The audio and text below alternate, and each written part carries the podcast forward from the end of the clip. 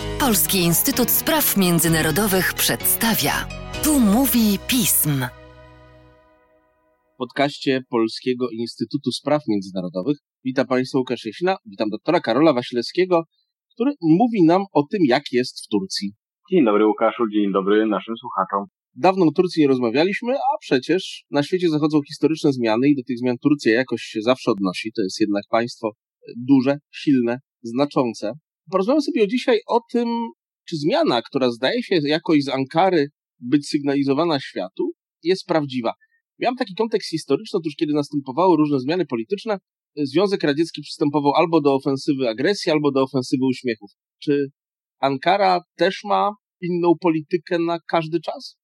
Nasza wspaniała koleżanka z biura, którą serdecznie pozdrawiamy, profesor Agnieszka Legucka, E, mawia, że Turcja to cieplejsza Rosja, no a że Rosja to jednak spadkobierca Związku Radzieckiego, to wypadałoby w związku z tym tę twoją tezę potwierdzić. Tak, rzeczywiście Turcja ma, to tak określę, dla każdego coś miłego i swoją politykę stara się dostosowywać do zmieniającej się sytuacji na świecie, to raz, ale przede wszystkim do potrzeb wewnętrznych. I być może nawet to dostosowanie do potrzeb wewnętrznych w kontekście najnowszych uśmiechów, skoro mówiłeś o uśmiechach strony Unii Europejskiej czy Stanów Zjednoczonych, być może to jest właśnie kluczowe w tym momencie. Jak to mniej więcej wygląda?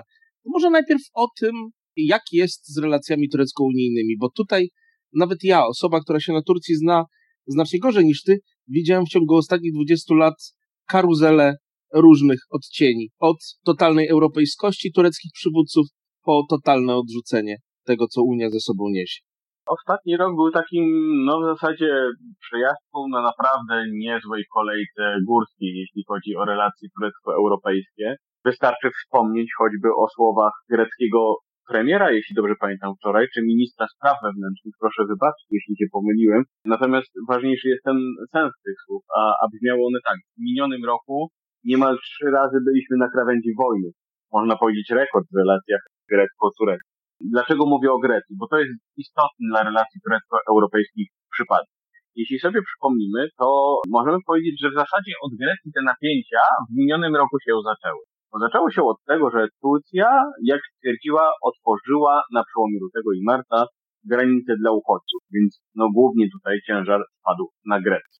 Unia Europejska potraktowała to jako akt wrogi.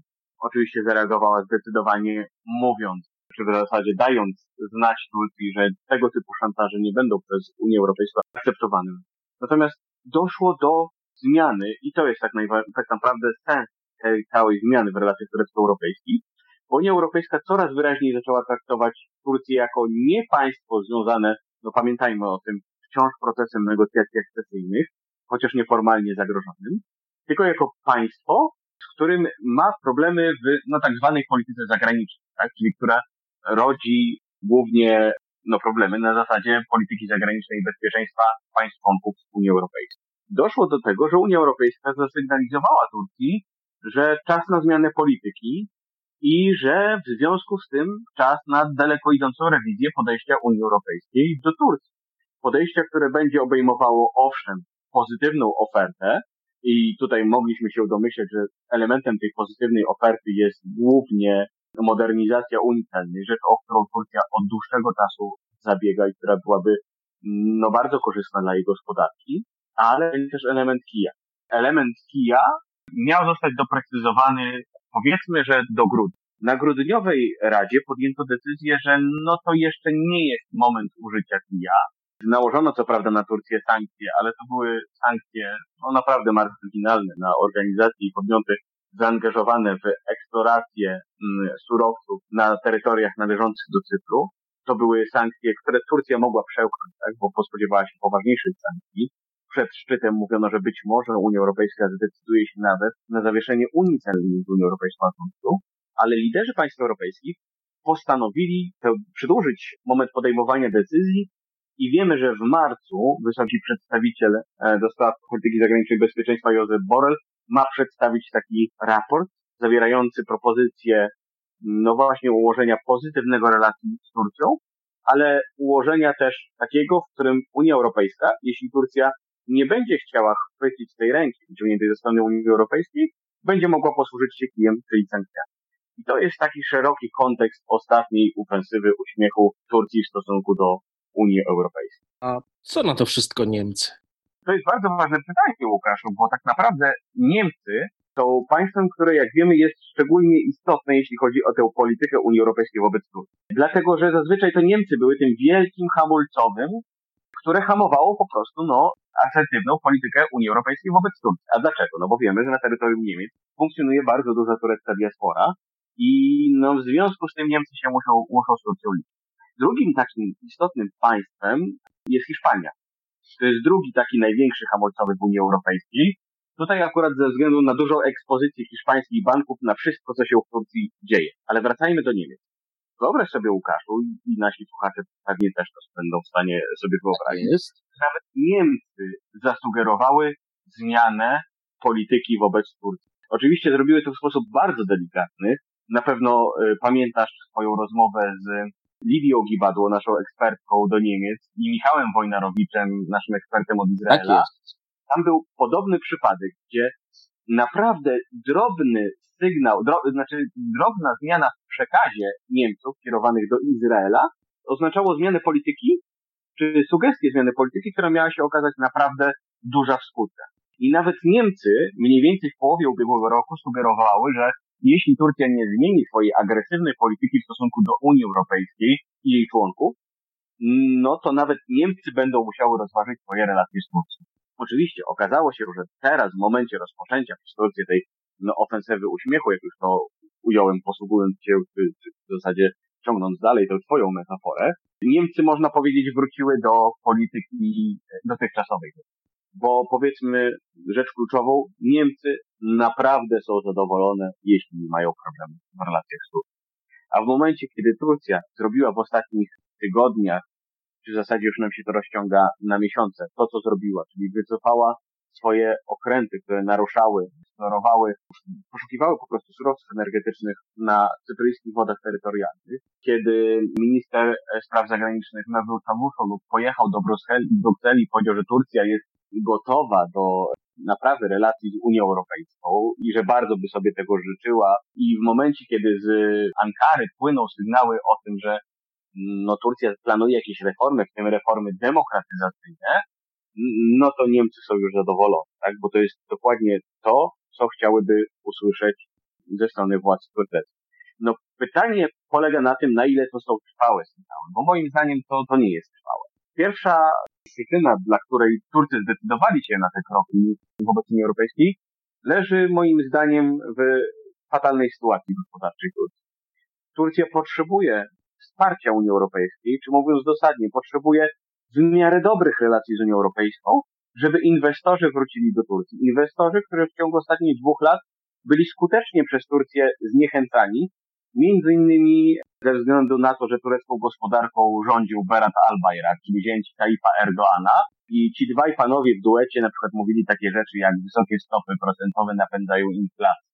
Czyli mówili coś, co po prostu skutecznie odstraszało inwestorów. Sytuacja gospodarcza Turcji była tak fatalna, że w listopadzie Berat al-Bayrak został zdymisjonowany. Czyli mamy kłótnie w familii, tak? To pokazuje, jak duże są, głębokie te problemy gospodarcze Turcji i jak nagle Turcy musieli zmienić politykę, no żeby po, po prostu przynajmniej na razie przywrócić równowagę tej gospodarki. Druga kwestia, dla której to pojednanie z Unią Europejską jest prawdopodobnie krótkoterminowe, to sojusz z nacjonalistami, którym nie podobają się na przykład odprężenia w relacjach z Grecją, a Ostatnim przejawem tego są rozmowy grecko-tureckie, które zostały wnowione po pięciu latach.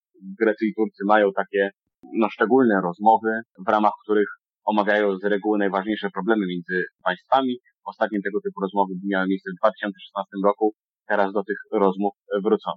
Nacjonalistom to się nie podoba, bo nacjonalistom podobała się asertywna polityka Turcji, polityka Turcji, która mówiła Grecji, że teraz to my wywracamy stolik i gramy według naszych reguł i wy się musicie do tych reguł dostosować. Wreszcie trzecia przyczyna, dla których prawdopodobnie to się nie uda, no mało kto wierzy w reformy, rzeczywiste reformy demokratyzacyjne w Turcji z prostej przyczyny. Tayyip Erdoğan potrzebuje autorytaryzmu, żeby utrzymać się u władzy. Tayyip Erdoğan nie może stracić władzy, bo jeśli by Tayyip Erdoğan kiedyś stracił władzę, no oznaczałoby to, że cała jego pieczołowicie budowana legenda polityczna legnie w gruzach. Bo wtedy prawdopodobnie opozycja chciałaby go osądzić na przykład za łamanie konstytucji wielokrotne, za liczne łamanie praw człowieka i tak dalej. Ergo nie może Tayyip Erdoğan pozwolić sobie na to, żeby w Turcji doszło do rzeczywistej demokratyzacji, bo to zagraża po prostu jego bezpieczeństwu. I to są powody, dla których chciałem powiedzieć, że jestem pesymistą, tak? No ale z jednej strony mam wrażenie, że Unia Europejska kupi tę ofertę pojednania Turcji, bo takim państwom jak na przykład Niemcom, Hiszpanom tak bardzo zależy na uspokojeniu sytuacji w relacjach z Turcją, ale z drugiej strony niespecjalnie wierzę, że będzie to trwałe. Spodziewałbym się, że za jakiś czas te napięcia turecko-europejskie po prostu może nie wybuchną ze wzmożoną mocą, no ale powrócą. No cóż, takie kompromisy nigdy nie są do końca trwałe. Znowu mamy tutaj pewne odniesienie do Rosji, gdzie też zresztą przywódca nie może chyba już w tej chwili odejść. Ale słuchaj, najważniejszym chyba dla Turcji odnośnikiem, jeżeli chodzi o kraje tak zwanego Zachodu, chyba nie jest Unia Europejska. Chyba jednak są Stany Zjednoczone. Wciąż tak. I to było widać po reakcji Turków na wygraną e, Joe Bidena w wyborach prezydenckich. Reakcję, która była, no co tu dużo mówić, no trochę niechętna, bo Turcy dość długo godzili się w tym, że Joe Biden rzeczywiście wygrał wybory prezydenckie w Stanach Zjednoczonych, bo to też trzeba wyraźnie powiedzieć, bardzo, bardzo jednoznacznie postawili na zwycięstwo Donalda Trumpa, który był dla nich prezydentem idealnym, ponieważ no na przykład preferował takie personalne relacje z Tayyipem Erdoanem i ponieważ Turcy uważali, że dzięki tym personalnym relacjom wszystko w relacjach ze Stanami Zjednoczonymi załatwi. Tymczasem wygrał Joe Biden. Mniej więcej około 10 listopada Turcy załapali, że no rzeczywiście Joe Biden zostanie prezydentem Stanów Zjednoczonych i została przedstawiona bajka. Otóż w tureckich mediach prorządowych zaczęły się pojawiać artykuły, które mówiły drogie Stany Zjednoczone, może bez drogie, tak, no bo bez przesady, ale Stany Zjednoczone, zobaczcie, Turcja jest jedynym państwem, które powstrzymuje Rosję u granic Europy. Spójrzcie, Libia, powstrzymujemy Rosję? Powstrzymujemy. Powstrzymujemy Syrii? Powstrzymujemy. No i zobaczcie ten górski Karabach, zobaczcie, co nam się tam udało. I mniej więcej takie opady mieliśmy z mm, prorządowych mediów. Ale co one przy okazji pokazywały? One pokazywały to, że tak naprawdę sposób myślenia mm. tureckich decydentów i analityków związanych z obozem rządowym się nie zmieni bo u podstaw tego myślenia, tego wyciągania ręki do Stanów Zjednoczonych stało ciągle jedno. Wy, Stany Zjednoczone, potrzebujecie nas. I musicie rozeznać to, że Turcja jest wreszcie mocarstwem regionalnym i to Turcja ma dyktować warunki. I to jest tak naprawdę coś, co Łukaszu łączy te ruchy w stronę Unii Europejskiej i Stanów Zjednoczonych. Bo sygnał jest jednoznaczny. Jesteśmy gotowi na reset, na poprawę, ale na naszych warunkach. I jak prześledzimy dyskurs tureckich analityków wobec Stanów Zjednoczonych po wyborach, to zauważymy, że tak naprawdę oferty kompromisów, które Turcy zgłaszają, one obejmują w zasadzie to, że to Stany Zjednoczone muszą pójść na kompromis, nie Turcja. I tak na przykład spójrzmy na katalog problemów. S-400. Trzeba znaleźć rozwiązanie tej sytuacji, ale co mówią Turcy, tureccy analitycy? To rozwiązanie ma polegać, czy uwzględniać możliwość korzystania przez Turcję z S-400 na terytorium Turcji. Czyli rzecz, której Amerykanie nie zaakceptują. Amerykanie mają się wycofać z Syrii. Amerykanie mają zdjąć sankcje, które jeszcze administracja Trumpa w grudniu nałożyła w związku z zakupem przez Turcję systemu S-400. A co mieliby zrobić Turcy? A na przykład mieliby wycieszyć antyzachodnią retorykę. To jest krótko mówiąc nędzna oferta, oferta, której administracja amerykańska raczej nie kupi. E, a tutaj muszę dodać, że administracja amerykańska na odcinku tureckim naprawdę jest bardzo silnie zbudowana. Nie chcę w tej chwili wchodzić w personalia, ale ogólny obraz podejścia amerykańskiej administracji, jaki wyłania mi się z osób, które tę administrację tworzą, mówię tutaj oczywiście o osobach, które będą miały coś do powiedzenia na odcinku tureckim, jest tak. Prawdopodobnie Stany Zjednoczone będą chciały dać Turcji szansę, prawdopodobnie będą chciały dać szansę w celu poprawy po prostu relacji z Turcją. To nie jest tak, że amerykańska administracja skreśliła Turcję, to chciałaby zobaczyć dobre relacje z Turcją. Ale jednocześnie jestem niemal przekonany, patrząc na skład tej administracji, że to będzie administracja, która bardzo szybko będzie potrafiła podjąć kroki, jeśli chodzi o rodzenie Turcji, czy tworzenie Turcji kosztów z podejmowania działań przeciwko interesom amerykańskim. To nie będzie administracja Trumpa, która, no powiedzmy sobie szczerze, średnio reagowała na na przykład tureckie działania w Syrii, które groziły interesom amerykańskim, która opóźniała nałożenie sankcji na Turcję w związku z zakupem systemu obrony przeciwlotniczej przeciwrakietowej S-400, to będzie raczej administracja, która załapie, że jeśli Turcy zrobią coś przeciwko interesom amerykańskim, to trzeba będzie jakoś zaprojektować politykę taką, która Turcji zrodzi koszt. No ale kolejny znowuż problem jest taki, że pojawia się pytanie, na ile w ogóle ta chęć ze strony Turcji będzie trwała poprawę relacji ze Stanami Zjednoczonymi. Bo jeśli spojrzymy na realną politykę, to niespecjalnie to widać. No raptem dzisiaj minister spraw wewnętrznych Sulejman Soylu ponownie oskarżył Stany Zjednoczone o to, że stały za zamachem stanu z 2016 roku. Czyli retoryka taka sama od pięciu lat. Dokładnie tak. Tylko muszę dodać, że w 2016 roku mówił to jako minister pracy, więc można powiedzieć, że ranga trochę mniejsza niż minister spraw wewnętrznych, prawda? Przytoczyłem tę narrację Turków o, o państwie, które balansuje Rosję, czy powstrzymuje Rosję u granic Europy, prawda? Ale Turcy, mówiąc, czy rzucając te argumenty, zapominają o podstawowej rzeczy. Celem tej polityki było między innymi wypchnięcie Stanów Zjednoczonych z tych obszarów, bo Turcy postrzegają Stany Zjednoczone no, jako czynnik destabilizacji. Wreszcie nic nie wskazuje na to, żeby zmieniła się ta podstawowa cecha myślenia tureckich decydentów, a jest ono taka, a jest ona taka. Świat zachodni, świat Stanów Zjednoczonych skończył się. Skończył się porządek międzynarodowy, który my czasem nazywamy tym liberalnym porządkiem międzynarodowym, tak? Ale w myśleniu Turków skończył się świat, w którym Stany Zjednoczone miały wiodącą rolę w stosunkach międzynarodowych. Nadszedł teraz czas między innymi Turcji, która ma być jednym z najważniejszych państw w przyszłym ładzie międzynarodowym, e, państwem, które nie jest w stanie akceptować tego, że inne państwa czegoś od Turcji wymagają. I naprawdę w wielu elementach widać tego typu myślenie. Widać przede wszystkim myślenie wciąż takie, że Stany Zjednoczone są przez Turków postrzegane raczej jako zagrożenie, a nie jako partner. Gdy rozmawiamy o takich uwarunkowaniach, no to jak tutaj można liczyć na to, że ten prozachodni zwrot jest rzeczywistością? No raczej nie. No to jest raczej coś, co, tak jak powiedziałem, ma na celu uspokojenie inwestorów, po to, żeby wrócili do Turcji, uspokojenie sytuacji gospodarczej, ale nie realną, długofalową, dobrze ustrukturyzowaną zmianę w polityce zagranicznej Turcji.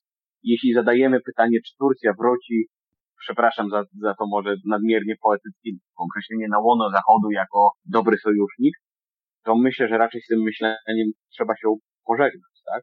To nie jest tak, że Turcja będzie w stanie wrócić do ustawień na przykład z 2010 roku. No raczej nie. No nie może do nich wrócić wewnętrznie, nie może ich zewnętrznie.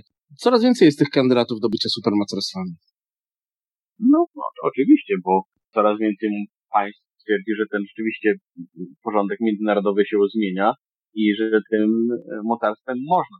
No problem polega na tym, że o ile zmienia się percepcja tych państw, no to nie zmienia się rzeczywistość. Żeby zostać supermocarstwem, no wciąż potrzeba mieć przewagi, no nie tylko w tej dziedzinie, na którą najczęściej patrzymy, tak, militarnej, w dziedzinie politycznej, ale też w dziedzinie gospodarczej. A Turcja, jeśli chodzi o gospodarkę, tak jak powiedziałem, jest no raczej kolosem na glinialnych nogach. I kolosem mówię tylko dlatego, że mam wrażenie, że wciąż bardzo wiele osób postrzega Turcję jako państwo silne gospodarczo, ponieważ, ponieważ patrzy tak naprawdę na to, jak Turcja się zmieniła w trakcie, no nie ukrywajmy, w trakcie rządów Tayyipa Erdoğan. Tylko, że jednocześnie są rzeczy, które nam umykają, gdy patrzy się na, na przykład na fenomenalny rozwój tureckiej infrastruktury, tak? Czy na przykład to, że Turcja relatywnie dobrze radzi sobie z pandemią, bo ma relatywnie dobrą służbę zdrowia. Mówię relatywnie, bo jak się spojrzy na statystykę łącznych zakażeń, to można odnieść wrażenie, że Turcja nie radzi sobie tak dobrze z pandemią. Ale zostawmy to ale umyka nam na przykład w tym czasie to, że PKB Turcji per capita jest na poziomie, jeśli dobrze pamiętam, 2009 e, roku. Krótko mówiąc, takie mocarstwowe ambicje, czy sny o potędze są naprawdę kosztowne, naprawdę kosztowne na poziomie społecznym, poziomie, którego bardzo często nie widać, gdy no, analizuje się sytuację międzynarodową przez pryzmat, nie wiem, patrzenia na mapę, przez pryzmat deklaracji polityków, e, czy przez pryzmat po prostu takiego właśnie zachłyśnięcia się przez tych polityków dążeniem do mocarstwowości, które może jest pięknym marzeniem, ale po pierwsze trudnym do osiągnięcia, po drugie, no nie zawsze realnym. Te społeczne koszty, Karolu, proszę Państwa, dostrzega się zazwyczaj, kiedy następuje kryzys i upadek reżimu. Ale to ja tak mówię ogólnie, nie tylko w wypadku Turcji. Karolu, dziękuję Ci bardzo. Przydaje się nam czasem odrobina szerszego spojrzenia. Dziękuję Ci raz jeszcze. Dzięki Łukaszu i pewnie zachęcamy razem do słuchania następnych podcastów. I czytania Twoich tekstów e, w różnych no. miejscach, zwłaszcza na stronie pism.